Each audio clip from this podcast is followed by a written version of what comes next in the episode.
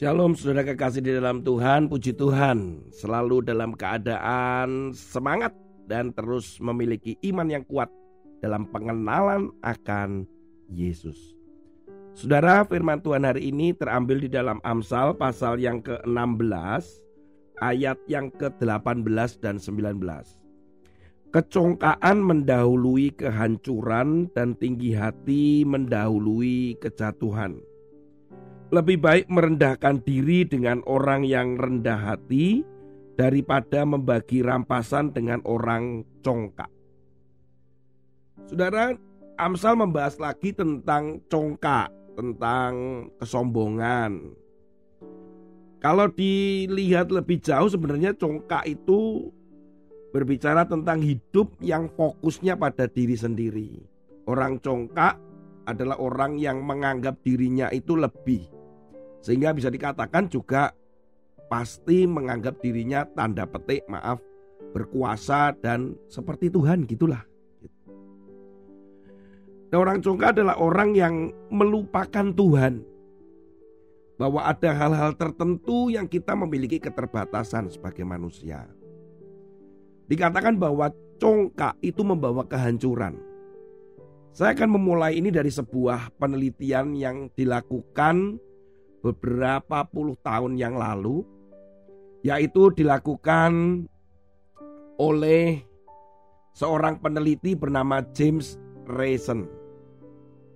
Dia melakukan penelitian pada akhir 1980. Dia meneliti sederhana sekali yaitu pada 520 pengemudi.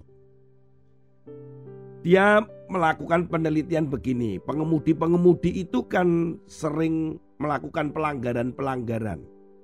Diberikanlah kuesioner bahwa menurut kamu kamu ini adalah pengemudi yang seperti apa? Wah, gitu ya. Apakah kamu di atas rata-rata? Apakah kamu itu mahir dalam mengemudi dan kamu sangat cekatan?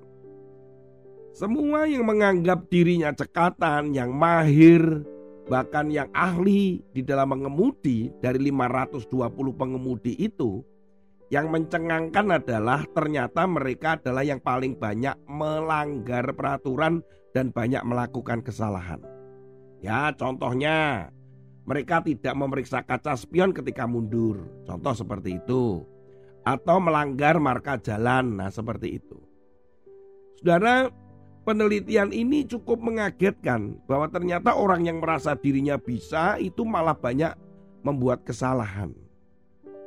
Bahkan dari 520 pengemudi itu hanya lima orang saja yang menganggap dirinya itu lebih buruk dari rata-ratanya atau hanya satu persen. Mbak, ini yang malah mengemudinya baik.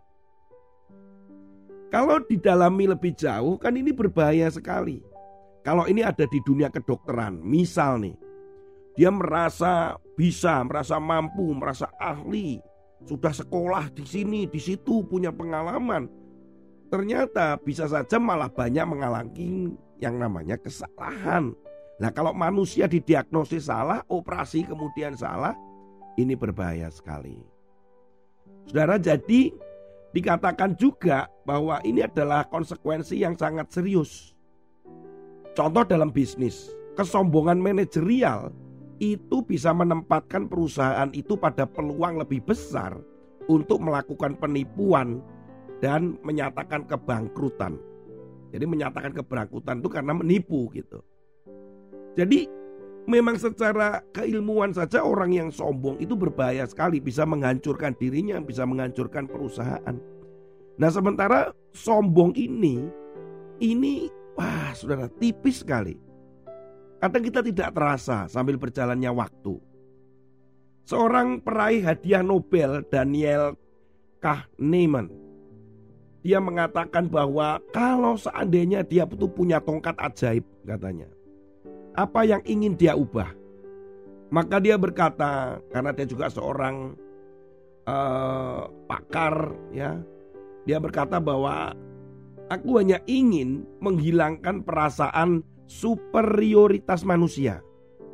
Artinya orang yang membanggakan dirinya merasa super, merasa lebih. Karena ini bisa menghancurkan katanya. Dan dikatakan kalau menurut Daniel Kahnerman ini dia ngomong bahwa itu adalah induk dari semua bias. Saudara kekasih di dalam Tuhan, Bapak Ibu sekalian, bahkan dikatakan dalam sebuah penelitian lain bahwa kesombongan itu menular. Wah, menular loh saudara. Kalau saudara kita ada di orang-orang yang suka ngomong besar, mereka sombong. Gak lama saudara kita bisa terhanyut mengikutinya.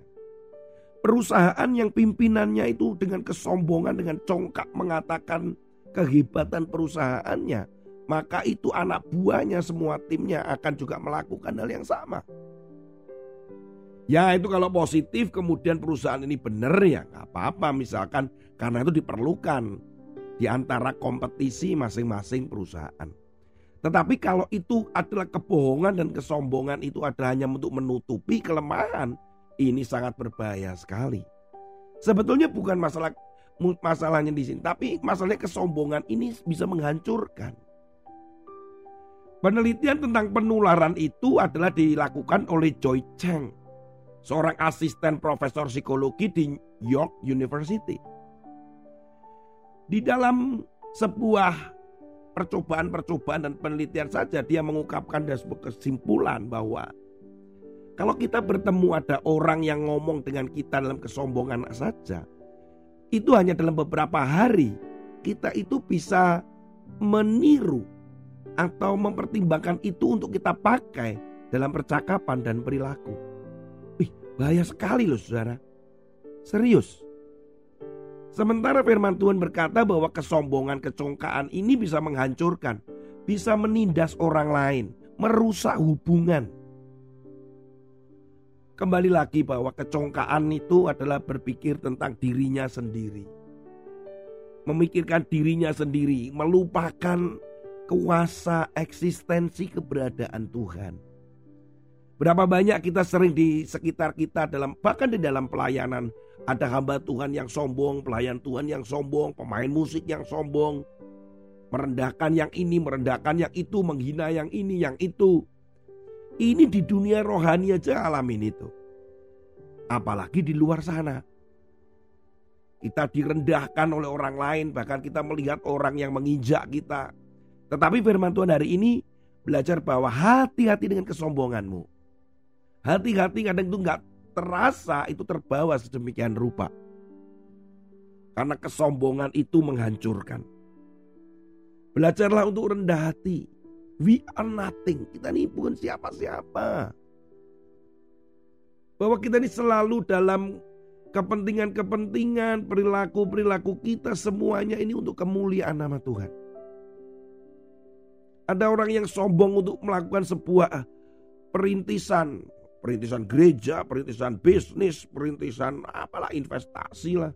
Dengan kecongkaannya merasa mampu, merasa bisa. Tapi akhirnya mempersulit diri sendiri dan akhirnya hancur. Saudara, kita ini bukan siapa-siapa tanpa Tuhan. Kita ini bukan siapa-siapa tanpa pertolongan dan Tuhan izinkan. Semuanya oleh karena kasih karunia. Orang yang sombong, orang yang sulit sekali untuk dinasehati. Orang yang congkak sulit sekali kita mendampingi mereka atau mengingatkan mereka. Karena mereka sudah melupakan Tuhan dan melupakan kita yang akan menasehati mereka. Mari dimulai dari kita untuk rendah hati. Firman Tuhan lebih baik katakan demikian. Lebih baik merendahkan diri dengan orang yang rendah hati. Wah, merendahkan diri pada orang yang rendah hati. Itu lebih lagi saudara. Janganlah kita congkak. Jangan sombong. Tuhan Yesus memberkati saudara. Belajar seperti Yesus yang selalu rendah hati. Amin.